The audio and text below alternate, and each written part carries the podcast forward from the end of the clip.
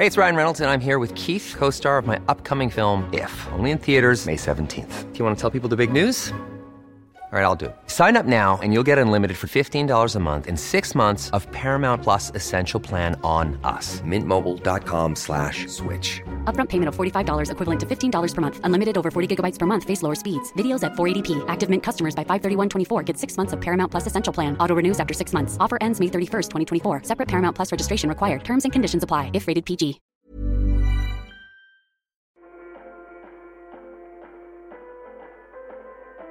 Du hører på podkasten Forhandlinger på liv og død. Jeg heter Alexander Nordahl og jobber i Dagens Næringsliv. Hold hendene høyt opp og vis at du hører meg. Hold de opp! Hold de opp! Hold hendene opp og vis at du hører meg. Dette er Øyvind. Han er krise- og gisselforhandler i politiet. Vinteren er så vidt over. På plenen utenfor den grå eneboligen et sted på Østlandet ligger en sofa, flere stoler, hyller, klær, en TV og en tom Kiwi-pose. I løpet av de siste timene har tingene blitt kastet ut gjennom vinduene i første og andre etasje.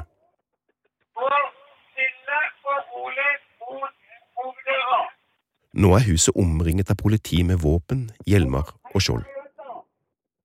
Øyvind står utenfor med en megafon og prøver å få en psykotisk mann til å komme ut av huset. Politiet vil ha kontroll på mannen og får kjørt han til sykehuset, der han skal bli tvangsinnlagt. Igjen. Hold hendene opp og vis at du hører meg. Hendene opp så vi ser at du hører meg. Hver dag blir Øyvind og de andre kollegaene i KGF brukt i krisesituasjoner. Over halvparten av oppdragene de er på, handler om psykiatri. Ja, det er hverdagen, og mm, det var en person som hadde barrikadert seg i eget hus. Kjent i forhold til psykiatri, rus. Hadde blant annet besøksforbud mot både mor og far. Da kommer vi opp på mm, tidlig natt, natt til lørdag. Da er det et stort apparat med lokale politifolk fra øst. Og så er det beredskapstroppen og oss som kommer opp, da. Da fikk ikke vi noe kontakt med han på, på telefon, men vi prøvde på megafon da og få han til å komme ut og overgi seg, noe han ikke gjorde. Kom fram og vis deg. De kommer til å fortsette. vi går ikke hjem. Hold hendene synlige. Kom stille og rolig mot politi. Kom stille og rolig mot politi. Hold hendene synlige. Til slutt får de mannen ut. Han blir kjørt til legevakten i en ambulanse og tvangsinnlagt. Hva som skjer etter det, er usikkert, men dagen etter er han tilbake i huset sitt. Og så søndag ettermiddag så var det en ny telefon på beredskap, hvor det var samme personen, og egentlig samme situasjon. Vi opplever jo fra tid til annen at eh, folk blir tatt inn på tvang og blir innlagt, hvor det går veldig kort tid, og så er de ute igjen, og så møter vi de i oppdrag på nytt. Vi, vi snakka litt med en nabo, og hun sa jo det at eh, Altså, han ble jo tatt natt til lørdag, og så sa hun at han var tilbake igjen lørdag kveld rundt klokka elleve. Han fremsto åpenbart syk når vi var hos han, og helse var jo kobla på, men han er likevel ute igjen da søndag. Og jeg tenker jo fordi naboene som beskrev at han det ene tilfellet kunne komme og spørre om å låne sukker, og i neste øyeblikk kaste øks over på naboeiendommen. Det må være fryktelig skremmende å, å bo med sånne personer i nabolaget.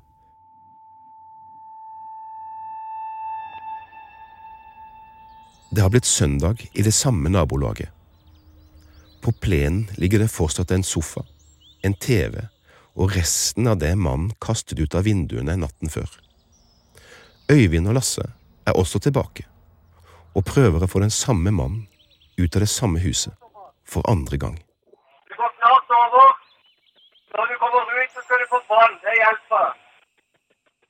Og da brukte jeg megafon først for å prøve å fremprovosere han for å få han til å komme fram, for dette er mer lempelig enn å måtte gå inn, for vi ønsker egentlig å ta han fra, fra utsida. Eh, funka ikke. Det var nok eh, Jeg tror det var veldig riktig å si at han kommer aldri til å komme ut. Nei, og det sånn Det, det kunne vi egentlig kanskje stressa enda mer fordi han holdt på sånn sist òg. Så da ble det til slutt at eh, han ble pepra med pepperspray. Og eh, jeg kommanderte han utenifra. Og kunne se samtidig at beredskapstroppen var på vei inn. Så da passa jeg på å kommandere han tydelig. Kommando funker bra. Opp med hendene! Begge hendene! Begge hendene! Så holder du hendene synlige hele tida! Hold hendene synlige! Ikke noe tull! Og da han med Fikk han til å holde sånn at han hendene høyt opp, sånn at Delta kunne gå inn og ta han trygt, både for de og han.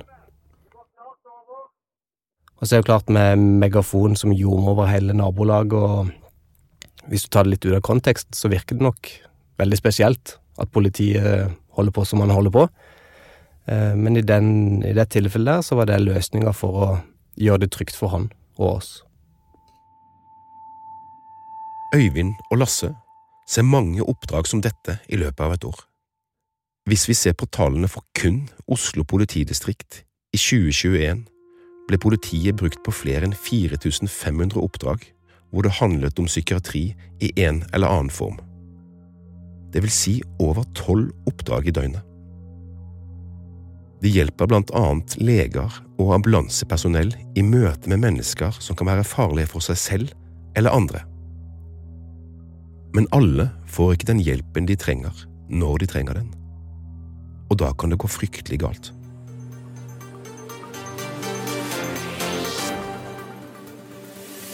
Knivemannen på Bislett fikk perm fra psykisk helsevern i går. I dag ble han skutt av politiet da han igjen gikk til angrep med kniv. Da ble 56 år gamle Stig Westgård funnet drept med kniv i en leilighet på Lademoen i Trondheim. Mannen som er tiltalt, har vært i psykiatrisk helsevesen i mange år med diagnosen paranoid schizofreni. Politiets hovedteori etter massedrapene på Kongsberg er at angrepet skyldes psykisk sykdom. De siste årene har politiet sett en betydelig økning i tilfelle av grov vold og trusler gjennomført av personer med alvorlige psykiske lidelser. Men hvem er disse menneskene som er så psykisk syke at de får politiet til å rykke ut med våpen til blokkleiligheter og villastrøk? Nå skal du få møte en av dem. Dette er Simen. Hei, jeg heter Simen. Jeg har syv straffesaker som har ganske alvorlige hendelser. Alt fra bilvraking til truing av offentlig tjenestepersonell. Altså, Jeg skjønner at samfunnet ser for meg som en farlig mann, selv om jeg bor her kamuflert i det sivile. Jeg har vært yrkesmilitær. Jeg har tjenestegjort ca. 21 måneder i Afghanistan, fordelt på tre kontingenter. Jeg jobber ikke nå. Nå er jeg uføretrygda på heltid. Men kompleks PTSD som påvirker hele livet mitt hver eneste dag fortsatt.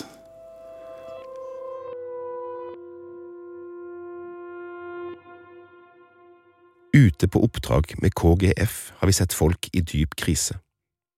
Det er mennesker som tar dårlige valg for seg selv og andre. Men hvem er de? For kanskje å finne et svar banket vi på døren til Simen. Skal vi se nå Tyggelsen Ut. Du må tenke at du skal være så langt mellom Jeg skal liksom holde mikrofonen omtrent. Jeg skal sitte her. Sitter det vondt nå, eller? Nei, jeg sitter ganske greit. Simen har en alvorlig grad av diagnosen PTSD, som betyr posttraumatisk stresslidelse, altså en ettervirkning av å ha opplevd noe traumatisk. For å finne ut hvordan Simen havnet her, livredd og tidvis farlig, må vi bli med han tilbake til da han var yrkessoldat i Afghanistan. Under et av oppdragene i hovedstaden Kabul skal Simen kjøre en gammel Mercedes med noen amerikanere inn i et nabolag. Min jobb var bare å være med, så jeg hadde jobb som sjåfør. Og det var også da min jobb der nede med andre følger, altså at det kom besøk med offiserer og sånn. Etter at Simen og passasjerene har gjort det de skal, setter de seg inn i bilen for å kjøre tilbake mot militærbasen. Simen sitter bak rattet, med den ene passasjeren foran og den andre i baksetet. Så kommer det maskingeværild. Og det er så ille at det kommer bakenfra. Bilen er ikke pansra, så kul, ene kula hans går rett gjennom hodet hans. Amerikaneren ved siden av Simen blir skutt og drept. Han faller død om mot meg. Jeg ser pupillen utvider seg når han mister livet sitt. Da trykker jeg på gassen. Kjører jeg rundt et hjørne rundt dette her sånn. Og så er det disse ungene, ikke sant? Og da jeg, får jeg gåsehud når jeg snakker om det. Med den døde mannen liggende ved siden av seg, kjører Simen i vill fart ut av nabolaget. Selv i min tjeneste så har vi jo trent på å kjøre gjennom folkemasse uten å stoppe. Selv hvis folk på en måte antyder at de skal legge seg ned. Men her er det bare kjør. Du runder et hjørne. ikke sant? Det er folk på feil sted til feil tid. Når ting begynner å fly rundt, folk løper overalt. Og det er det som skjer. Det er bare så trist, da, ikke sant, som jeg sier da med Hva skjer? Jeg kjører på to barn. Jeg kjører over et barn, og så får jeg et barn i frontruta, så ruta sprekker. Ansiktet til barnet, som hadde blå dress, det gikk rett i frontruta. Det var ikke noe blod på ruta, men det var sikkert 80 km i timen. da. Så det, det, er en av de tingene da, som jeg sitter har med meg. Skal jeg si det sånn. Så kan ikke, jeg kan ikke skjønne at det skulle gå bra på noen måte. Etter denne og flere andre dramatiske hendelser begynner livet til Simen å komme ut av kurs. Tilbake i Norge, etter en av turene til Afghanistan, sitter han en kveld alene på offiserskontoret i leiren. Jeg sitter og pusser våpen, liksom. Det er ikke noe unormalt. Og så er det sånn som det er på mange sånne militære kontor, da, så ligger det et prosjektil i form av 9 mm eller. Det er ikke unormalt, da. Skal man helst levere inn disse tingene her, da. Det, men istedenfor at jeg leverte den inn, og så tenkte jeg bare at nå er jeg så sliten. Og jeg klarte ikke helt å sette fingeren på det, men jeg tenker bare fuck it, liksom. Så er det bare så enkelt rett i kjeften. Trykke av. Klikk. Simen stikker altså den ladde pistolen i munnen og trykker på avtrekkeren. Smellet kommer ikke. Det sier bare klikk. Patronen virker ikke. Hvor mange andre ganger har du prøvd å ta livet ditt? Henging så er det i hvert fall tre ganger. En gang så røyk tauet. Andre gangen så var det bikkja som redda meg. Og så er det jo selvfølgelig andre pårørende rundt her da, som hele tida er rundt meg. Eh, men det har enten da av uflaks, da. At ting går i stykker. Altså Det er ting som forstyrrer det. Men det er sånn at jeg har skrevet selvmordsbrev, tatt på meg fine klær og gjort klar for siste reise. Uten å se meg tilbake. Han blir stadig dårligere. Simen klarer ikke å jobbe. Og for fire år siden ble han uføretrygdet. En psykiater konkluderer med at det er vanskelig å se for seg at noen kunne blitt sykere av PTSD-diagnosen enn det Simen er. Hvis du skal si ett ord, det vondeste ordet som kan skildre PTSD, hva er det? Ja, det blir nesten å gå til frihet.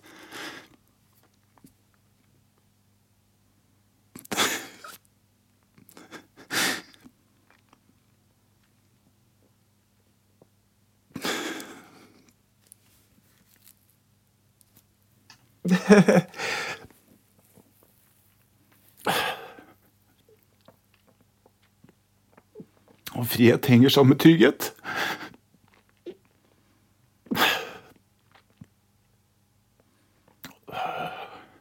Og hvis man da skal Da er det viktig at man Da må man reflektere seg selv i samfunnet. Uansett om man har vært med på eller ikke. Men nå tenker jeg sånn, hver gang jeg har det ekstra kjipt altså, Livet går jo sånn. Så det betyr at du må jo komme opp en gang. Altså Man kan velge å ta opp gardina. Her er sola. Gå ut i sola. Det er fort gjort å stenge seg inne i seg selv. ikke sant? Bli fanga i hodet sitt.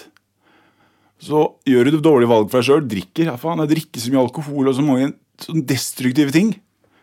Altså Det er jo langt, langt sikt. Selvmord er jo det jeg drev med i lang tid. ikke sant? Det ødelegger for deg selv og alle andre rundt deg. Så for å få trygghet og frihet da, så må man starte å gjøre gode valg for seg sjøl. Man må ta ansvar for seg selv og de rundt seg.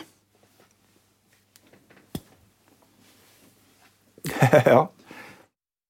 De ti siste årene av livet hans har vært preget av sykdommen.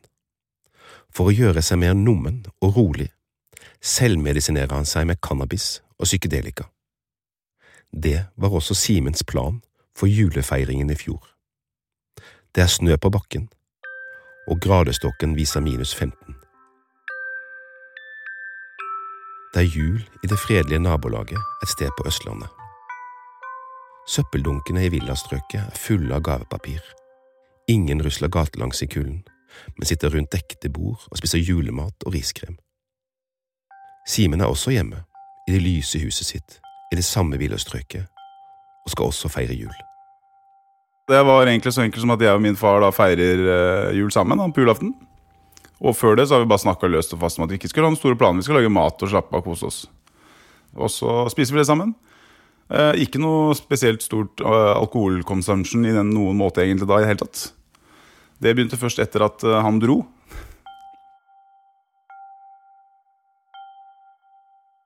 Simen deler huset med sin far. Etter å ha spist julemiddagen sammen, drar faren på juleferie. Simen blir hjemme. Du kan si at det, det er jo ingen, normal jul rundt dette mer, men allikevel så var det en normal jul på den måten. Eh, ingen antydning til at det skulle skje noe mer, bare at det underliggende ligger jo noe hele tiden. Så det er jo det, den PTSD-en der hvor den kommer inn i bildet, da. Eh, men det, som sagt, det var, eh, altså, det var god stemning når vi var der sammen, og når han do derfra. Det var bare da satt, Jeg, jeg gleda meg til å sitte aleine i jula på en måte ha den helt fin, hele rommet, hele huset for meg selv. da. Altså De medisinene som jeg hadde i jula, det er jo psykadelika eh, Det er sopp, da. Ikke fleinsopp, sånn som folk sier. Det er giftig. Hold unna det. og så er det LSD. Eh, små doser. Og så er det cannabis. Men da jeg, begynte jeg å bli tom for disse tingene. Så jeg hadde ikke klart å på grunn av at det, Jeg kan ikke liksom gå til apoteket og få på resept. Så det må koordineres og planlegges fram i tid. da. Og da, i, midt i dette her sånn, da, så ble det et lite mellomrom med for mye altså alkohol. da. Og det er Ja, for å si det sånn du, Jeg hater å være fyllesyk. Det minner meg om dårlige ting. Jeg drikker vin. Eh, rødvin. Vegansk rødvin. Eh, alle ting altså, Jeg drikker, jeg drikker brennevin og vodka, whisky. Men jeg sitter ikke og drikker rent, jeg blander ut. Men jeg kan, liksom, hvis jeg først begynner å drikke, så er det ikke noe ende på meg. Jeg har jo diagnosen alkoholmisbruker gjennom den PTSD-en også. Sånn som det ble i jula, så sitter jeg da allerede med kaffen i morgen, så er det whisky i kaffen. Og så kanskje ikke er det noe mer, så spiser jeg, da, for jeg vet jeg må ha meg næring. Og så blir det et glass vin, og så fortsetter sitter jeg og hører på musikk og alle tingene for å prøve å fokusere på positive ting. da. Og så er det gjerne jeg skal skru av det der, så kommer mørket, ikke sant. Og da har du en underliggende energi som vil bygge opp det, det underliggende i deg da.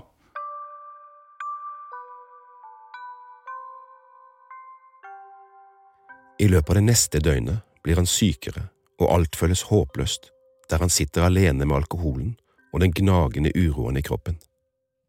Simens mørke tar over, og på kvelden første juledag er det ingen vei tilbake. Han blir livredd, klarer ikke tenke rasjonelt, og i desperasjonen ringer han 113, politiet og legevakta for å få hjelp. Da ringer en bekymringsmelding på vegne av meg sjøl.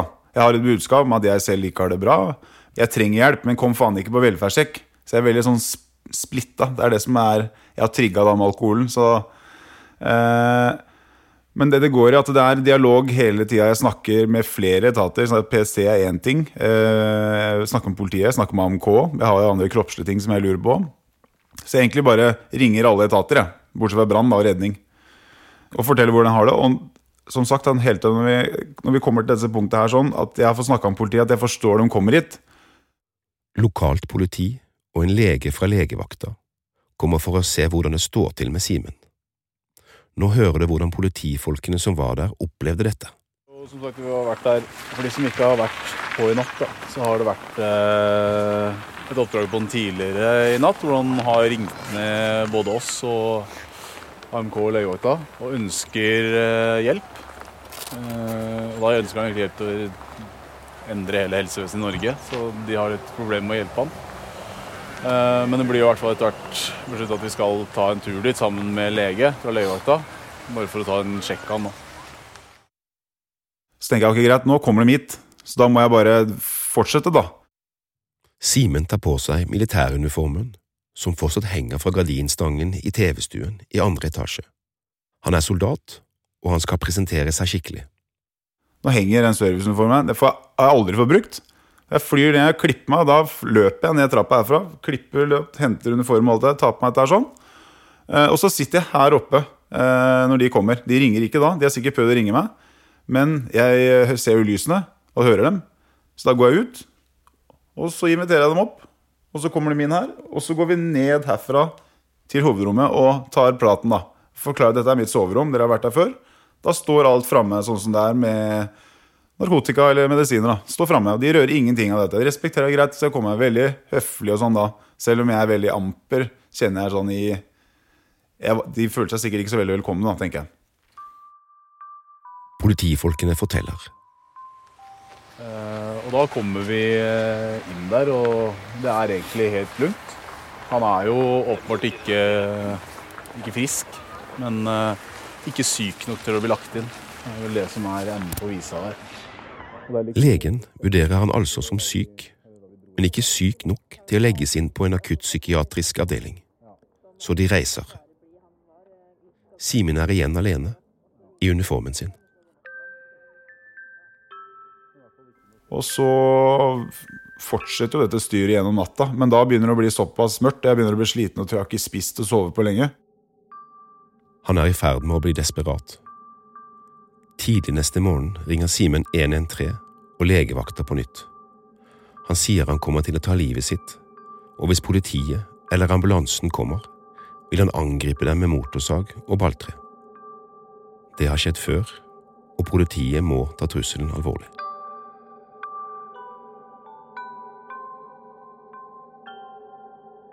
Det har blitt andre juledag. Vakttelefonen ringer hjemme hos krise- og gisselforhandleren Øyvind. Det er han som får oppdraget med å hjelpe Simen ut av huset, uten at den tidligere yrkessoldaten skal ta sitt eget liv eller skade andre. I bilen på vei til Simen prøver Øyvind å nå ham på telefonen.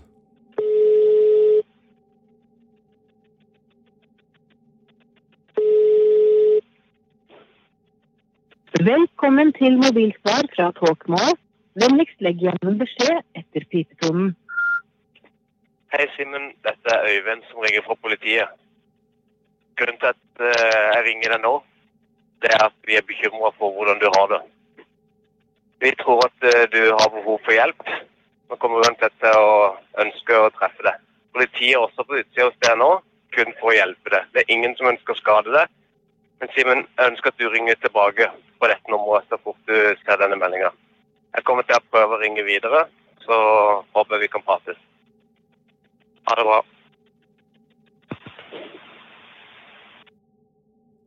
Simen er helt utslitt.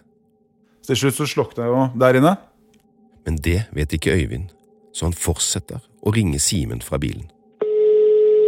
Samtidig omringer politiet Simens hus. Velkommen til I gaten står det flere politibiler. Noen politifolk gjemmer seg i hagene rundt huset, mens andre står tett sammen bak skjold i oppkjørselen. De puster ut frostrøyk og venter i kulden.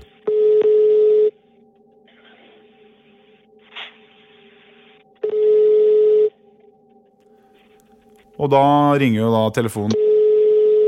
Velkommen Da prioriterer jeg en melding nå. Så våkner jeg opp. Jeg ser på telefonen at det er ubesvart, men jeg tenker ikke noe mer på det. på noen måte. Så jeg bare liksom står opp, jeg skal gå på dass, og ser på telefonen. Og da i den sammenhengen at telefonen begynner å ringe, og jeg ser opp persienna, så ser jeg at det står en pansra Toyota Cruiser på venstre side av innkjørselen med fire personell eh, med skjold, eller riot-utrustning, da. Og så står det én væpna på høyre side med da var det vel Det er vel MP7 Og så tenker jeg bare at Jeg tenker å faen? Å faen? Ja. Så da, er du, da har du ikke noe annet valg, da. Og når telefonen kommer da Da er det Øyvind, da. Hei, Simen. Hei. Hei, Øyvind fra politiet her. Ja. Altså Det går fint. Det går bra med deg? Nei. Det gjør ikke det. Det gjør ikke det. Nei, jeg skjønte. Takk for at du tok telefonen, Simen. Jeg har prøvd å ringe deg noen ganger nå. Takk, takk. Beklager, takk like måte. Det eneste jeg bryr meg noe mer nå, er det, ikke han annet. Jeg bryr meg ikke noe annet. Hva skriver du for noe, Simen? Du sier nå, jeg beklager at jeg Jeg vet ikke hva jeg skal si her. Nei, Simen, grunnen til at politiet For politiet er politiet hos deg, da. Ja, kan, kan, dere, kan dere komme inn, og så kan jeg sette på en vanlig kaffe? Hvis jeg kommer ut? Kan jeg komme ut og gjøre noe for at dere skal snakke med meg, da? Hvis jeg bare kan Hva skal jeg gjøre, liksom? Jeg ønsker, det jeg ønsker nå, Simen, det er at uh, du kommer ut stille og rolig med hendene synlig ut på Mhm. plassen din. Mhm. Der vil du bli møtt av politiet, og så gjør du som de sier. Ikke ta med deg noe i hendene. Du kan ha, ha telefonen. Det er greit. Det gjør. Ok. Som sagt, da har jeg ikke noe mer måte å tenke meg mer om ut ifra respekt, respekt ansvar mot. Som jeg sier, at jeg har jo Jeg har satt i gang noe som jeg må ta ansvar for. Gå ut med en gang, og så skal du få gå på do etterpå. Ok. Jeg lover at du skal få gå på do. Ja, ja, men jeg kan jeg gi en tommel opp, da? Sånn at jeg, jeg, jeg, jeg mye klar, men jeg skal bare få lyse nå. Og se. Ja, og så, så, kan du, så er du på tråden med meg samtidig som du eh, beveger deg ut, OK? Bare, bare prat med meg. Jeg har ikke meg. Simen kommer ut i en kamuflasjefarget underbukse og en svart hettegenser. Det er 15 minusgrader ute. Snøen knaser under crocsene mens han går ned oppkjørselen der fire politifolk står klare med våpen, hjelm og skjold. Flere politifolk med våpen kommer frem fra nabohagene. Politiet ber Simen legge seg på bakken så de kan sette på en håndjern. Han vil ikke legge hendene på ryggen. Ja, så jeg må gjøre det som de sier, for jeg er en krigsveteran. Det er den norske jævelen, ikke sant? Det er telefonen, da. Så jo. Ja, greit. Ok, ok, ok. Nå kommer jeg til å dialog på sted, Magnus. Nå får du vite, nå får du, nå får du stå opp for den. Nå må du være tøff med naboen, ikke sant? Skal jeg sette på den? Sette seg ned nå. Ja, sett på nå. Sitter du? Men så gjør han som han får beskjed om. Politiet tar med Simen inn i huset. Han får kle på seg, og etter en stund kjører ambulansen ham til legevakta. Han skal bli innlagt på en psykiatrisk avdeling, slik at han kan få hjelp. Vi ringes etterpå. Takk for konferansen. Hei. Hansen? å si det sånn, Etter en av de største politiaksjonene som har vært i det området vi er i, at det, det ender med at man, jeg blir sendt på akuttpsykiatrien på tvangsinnleggelse på nødrett og nødvergegrunnlag, så er det absurd at jeg blir skrevet ut altså, altså under et døgn seinere. Simen er fortsatt syk. Men er han farlig? Svaret er at hvis jeg kan tenke det, og at jeg kan skrive det, og at jeg føler at jeg legger meg som en farlig mann, så kan jeg jo potensielt våkne opp som en farlig mann òg. Jeg ikke klarer å skille mellom virkelighet og drøm, da, basert på egne traumer og andre ting som har skjedd. Eh, Men jeg anser ikke meg som en farlig mann, og de som kjenner meg, anser ikke meg som en farlig mann. Etter 17 timer blir han skrevet ut.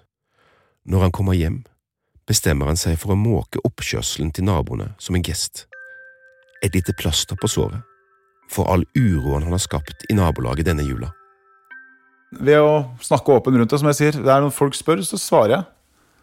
Og hvis folk også slenger med leppa litt sånn rundt dette her jeg kan, Uten å liksom si, så er det i nabolaget jeg har hørt der Der kommer han gærningen når jeg står ute og spiser havregryn etter trening. Det har jeg hørt i nabolaget her. Jeg tenker jo da at det eneste måten at jeg kan Jeg, jeg, jeg er i hvert fall ikke redd for å prate. Simen mener den posttraumatiske stresslidelsen kontrollerer hele livet, og han mener han ikke får den hjelpen han trenger. Derfor fortsetter Simen med selvmedisineringen, i tillegg til å gå i terapi hos en psykiater. I perioden fra 2016 til 2020 økte antall politioppdrag knyttet til psykiatri med 44 prosent. Dette er tall fra Politidirektoratet.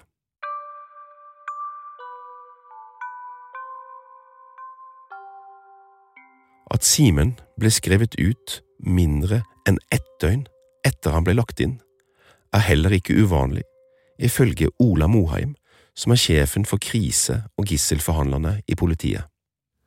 Nei, jeg, jeg tenker at det, det, er en god indikasjon på at ting ikke er helt på stell. Jeg har jo flerfoldige ganger vært med på det sjøl og kjørt folk på legevakta som, som, som, oss som politifolk vurderer som til å ha virkelig problemer og både være suicidale og har andre psykiske lidelser. Og ofte og innimellom så har jeg møtt folk eh, to timer seinere i bybildet med nytt oppdrag på, på samme person.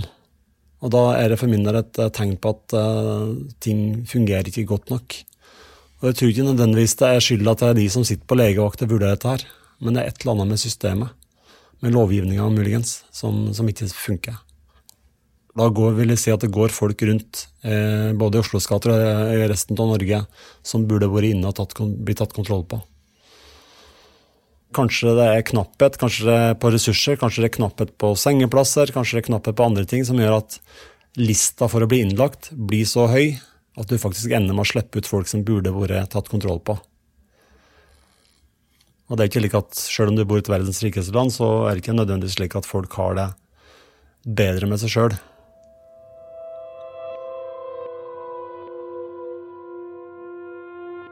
Ingen ble skadet da det svartnet for Simen andre juledag.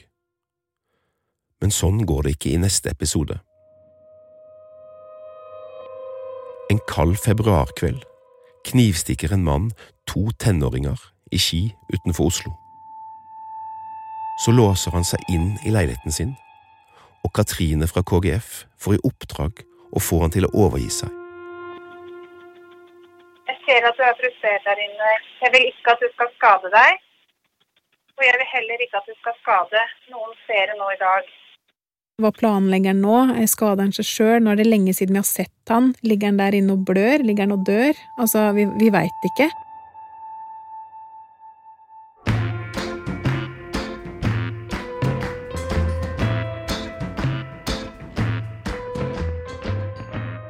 Har du behov for å snakke med noen etter å ha hørt på denne episoden? Da kan du kontakte Mental Helses hjelpetelefon på 116 123, eller Kirkens SOS hjelpetelefon på 22 400 040. For akutt krisehjelp skal du alltid ringe 113. Ønsker du å komme i kontakt med din lokale legevakt? Ring 116 117.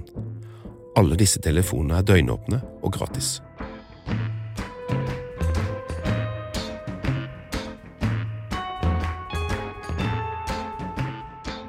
Forhandlinger på liv og død er laget av meg, Alexander Nordahl, og Tine Eide, som er produsent og lyddesigner. Prosjektleder for denne serien er Jannicke Engan. Gry Egenes er redaktør. Konsulent har vært Berit Hedemann. Sluttmiksen er gjort av Hans Kristen Hyrve. Musikken er laget av Gallowhill. Ina Engebretsen har logget. Ansvarlig redaktør i Dagens Næringsliv er Janne Johannessen. Nyhetsklippene er hentet fra NRK.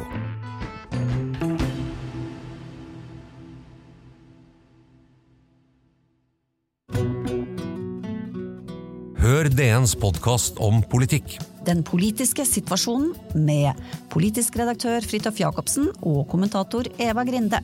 Hver uke fra Dagens Næringsliv.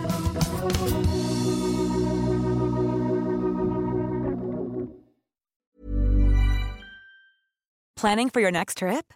Elevate your travel style with Quince. Quince has all the jet setting essentials you'll want for your next getaway, like European linen, premium luggage options, buttery soft Italian leather bags, and so much more. And is all priced at 50 to 80% less than similar brands. Plus, Quince only works with factories that use safe and ethical manufacturing practices. Pack your bags with high-quality essentials you'll be wearing for vacations to come with Quince. Go to quince.com/pack for free shipping and 365-day returns.